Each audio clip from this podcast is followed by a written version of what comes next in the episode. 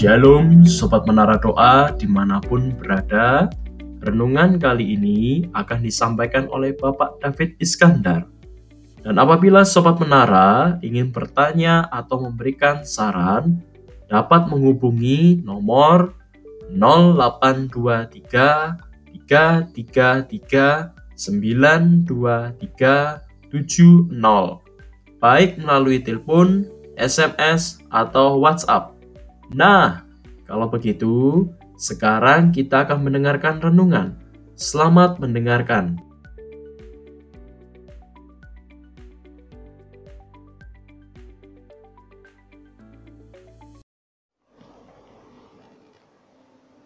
Shalom, sobat menara doa yang dikasih Bapak. Pada edisi yang keempat ini firman Tuhan dengan judul Perjamuan Kudus. Sebelumnya mari kita berdoa. Bapak yang kami sembah dalam nama Tuhan Yesus Kristus. Sebelum kami menyampaikan kehendakmu ya Bapak. Kiranya engkau urapi hambamu ini Bapak. Demikian juga yang mendengar firmanmu Bapak. Sehingga firmanmu ini mampu diterima dan disimpan dalam hatinya dan melakukan dengan setia apa yang seperti kau inginkan Bapak. Di dalam nama Tuhan Yesus Kristus kami berdoa haleluya amin. Marilah saudara kita baca kisah 3 ayat 21. Kristus itu harus tinggal di surga sampai waktu pemulihan segala sesuatu seperti yang difirmankan Allah dengan perantara nabi-nabinya yang kudus di zaman dahulu. Apa maksudnya saudara? Kristus tidak akan segera datang seperti apa yang kita nanti-nantikan. Kalau segala sesuatunya tidak dipulihkan. Karena banyak hal-hal yang hilang dalam firman Tuhan. Yang diambil oleh kuasa kegelapan itu. Maka harus dipulihkan. Karena pemulihan harus terjadi dahulu. Dalam gereja. Baru di luar gereja. Dan kita yang ada di dalam gereja harus mengalami pemulihan demi pemulihan supaya Kristus segera datang. Kalau Kristus tidak segera datang, orang kudusnya tidak akan mampus. Orang-orang kudusnya akan binasa. Karena waktu akhir zaman inilah waktu yang jahat. Sehingga iblis bekerja luar biasa. Maka Kristus harus segera datang. Waktunya harus dipersingkat. Tapi harus terjadi pemulihan dulu. Kita sudah melihat contohnya. Dan kita pada tahun-tahun itu kita melihat bagaimana Tuhan memulihkan present worship. Saya ingat hal itu di akhir tahun 2000. Lagu-lagu rohani dipulihkan. Lagu-lagu rohani yang dulunya cuma begitu-begitu aja. Mengalami peningkatan yang luar biasa. Sehingga di mana-mana banyak orang nyanyikan lagu-lagu rohani. Saya ingat di toko-toko bahkan sering diputar lagu-lagu rohani. Dan mulailah muncul penyembah-penyembah dalam roh dan kebenaran yang dulunya tidak ada. Maka Tuhan bangkitkan penyembah-penyembah yang benar itu. Muncullah pemasmur-pemasmur, bahkan musik-musik gereja. Buka, mulai dipulihkan. Sehingga musik-musik gereja menang, mengalami peningkatan yang luar biasa. Melalui hal ini kita juga bisa melihat secara bagaimana Roh Kudus pemulihan memulihkan satu persatu supaya kedatangan Tuhan ini segera. Pada abad 15 Tuhan pakai seorang biarawan yang bernama Martin Luther. Kita ingat itu kalau kita baca sejarah untuk memulihkan gerejanya yang pada waktu itu mengalami kemerosotan rohani yang sangat luar biasa. Martin Luther dipakai Tuhan untuk memulihkan seperti apa yang Tuhan inginkan. Nah, bukan, bukan cuma itu aja. Tuhan pakai salah satu penggerak reform yang lebih radikal yaitu Johannes Calvin. Dan Tuhan pakai untuk memulihkan tentang kesucian. Sehingga muncullah pada waktu itu gereja-gereja Anglikan, gereja Baptis, dan lain-lain. Saudara. Dan pada abad 19 melalui gereja metodis yang awalnya dipelopori oleh John Wesley dan kawan-kawan di Inggris menekankan tentang misi penginjilan sehingga bangkitlah gereja-gereja misi penginjilan terjadi di mana-mana. Tuhan pulihkan melalui John Wesley sehingga Injil sampai ke mana-mana. Dan terjadi pada waktu itu juga selanjutnya di Azusa Street di Amerika. Sekelompok orang-orang negro dipenuhi oleh Roh Kudus. Maka muncullah aliran kesucian yang menekankan kesederhanaan yang beribadah di kemah-kemah. Dan selanjutnya Tuhan bergerak terus melalui orang-orang negro ini. Kemudian terjadilah gerakan Pantekosta. Karunia-karunia roh bahasa-bahasa roh dipulihkan di mana-mana Tuhan bergerak terus tak sampai di situ saja kalau kita lihat secara gereja Bagaimana terjadi gerakan karismatik. Dulunya Tuhan coba pakai orang-orang tertentu. Tapi melalui gerakan karismatik ini orang-orang awam mulai muncul dipakai Tuhan di mana-mana. Timbullah gerakan hukumoni. Saudara-saudara, yang selanjutnya seperti yang kita bahas tadi di awal, di akhir tahun 2000, Tuhan pulihkan present worship. Saudara-saudara, Tuhan tidak berhenti sampai situ saja. Harus terjadi pemulihan segala sesuatu. Tuhan pun bergerak melalui rohnya yang kudus. Memulihkan jabatan rasul-rasul dan nabi-nabinya. Melalui gerakan apostolik. Kemudian muncul gerakan doa di mana-mana. Menara doa muncul di mana-mana. Persekutuan-persekutuan doa muncul di mana-mana. Menara-menara kota menara-menara doa sekota muncul di mana-mana.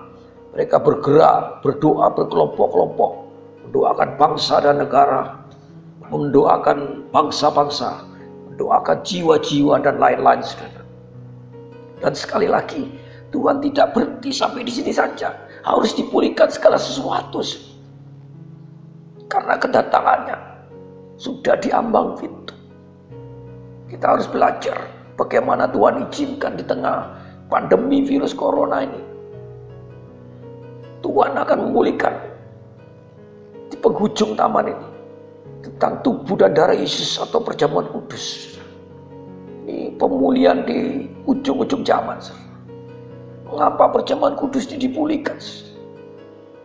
Karena iblis sedang bergerak dengan luar biasa.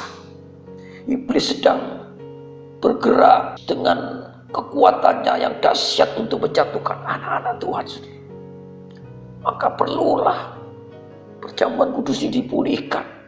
Firman Tuhan dikatakan dalam Wahyu 12 ayat 11 dan mereka mengalahkan dia.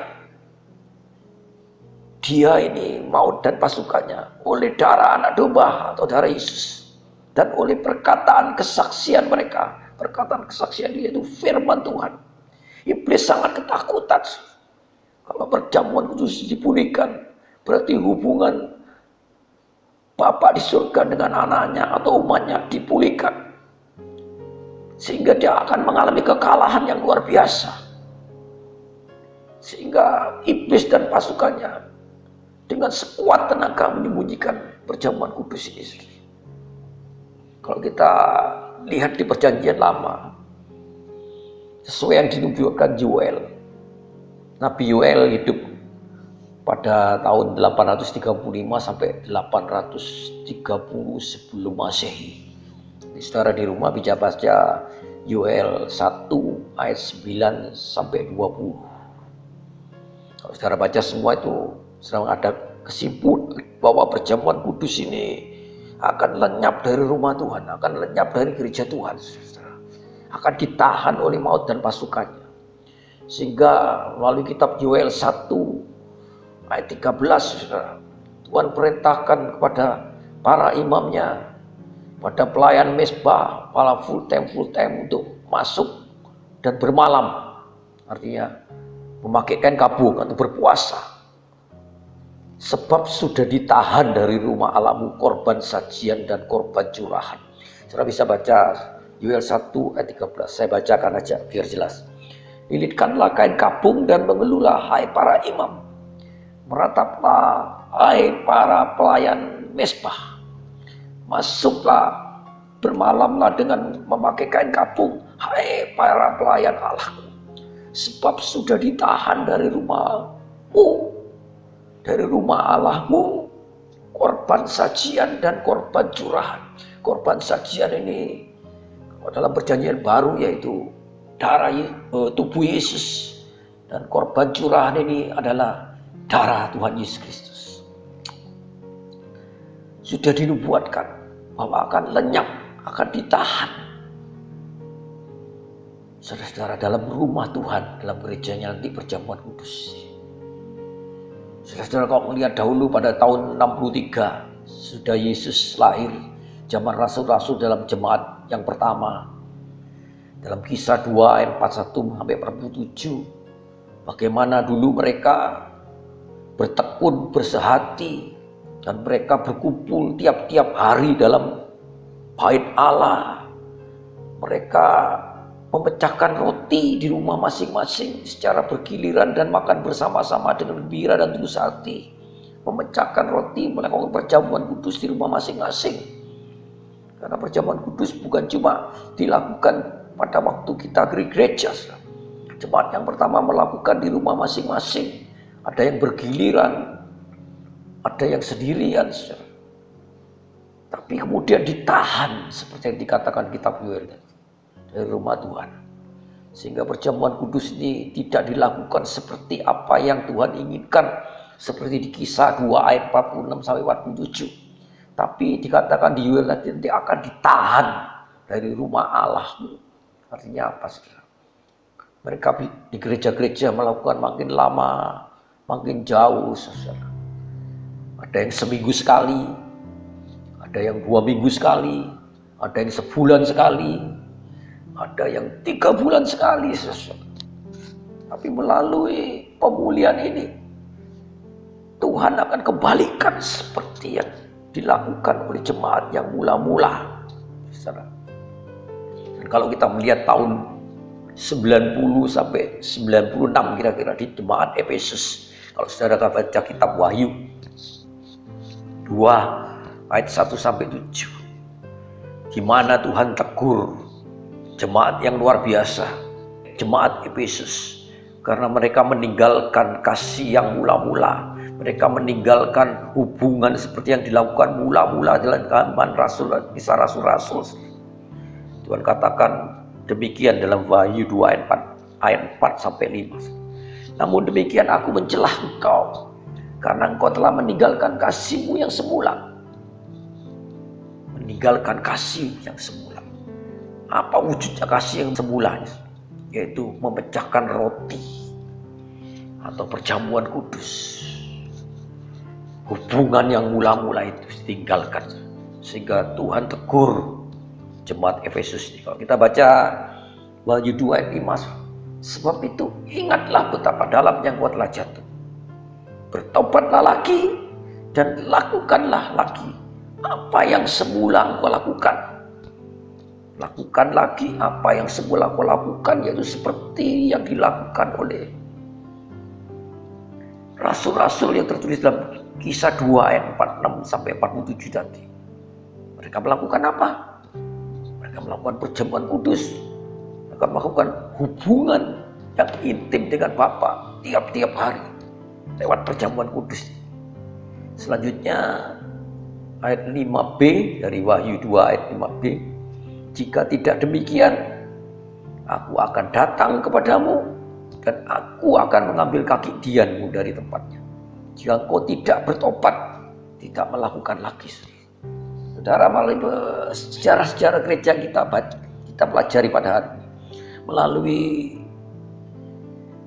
firman-firman Tuhan yang kita sharing pada hari ini, saudara. Kita harus sadar. Kita harus punya kepekaan rohani.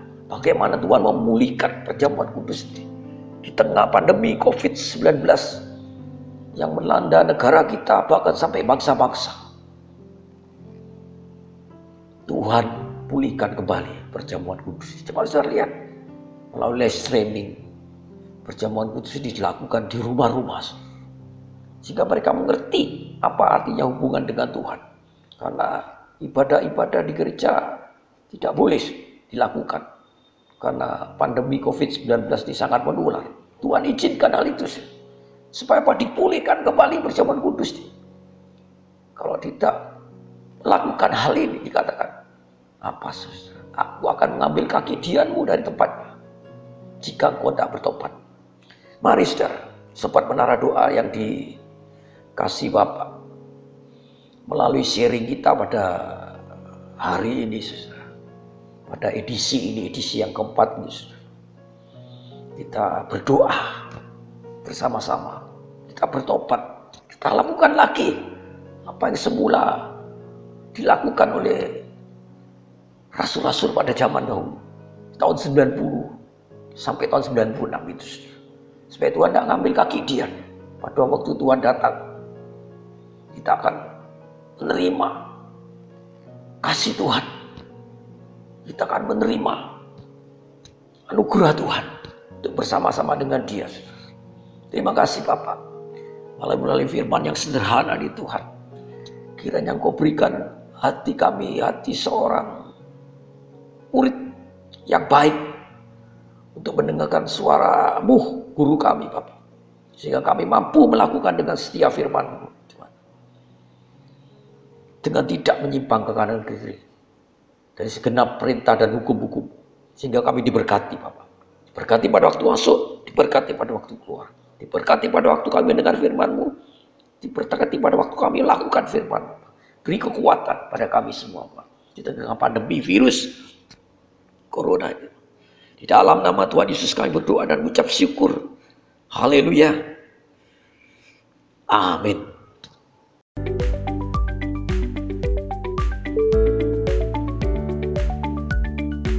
Terima kasih Sobat Menara Doa yang telah mendengarkan renungan kami. Apabila Sobat Menara ingin bertanya atau memberikan saran, dapat menghubungi nomor 0823 333 923 70 baik melalui telepon, SMS, atau WhatsApp.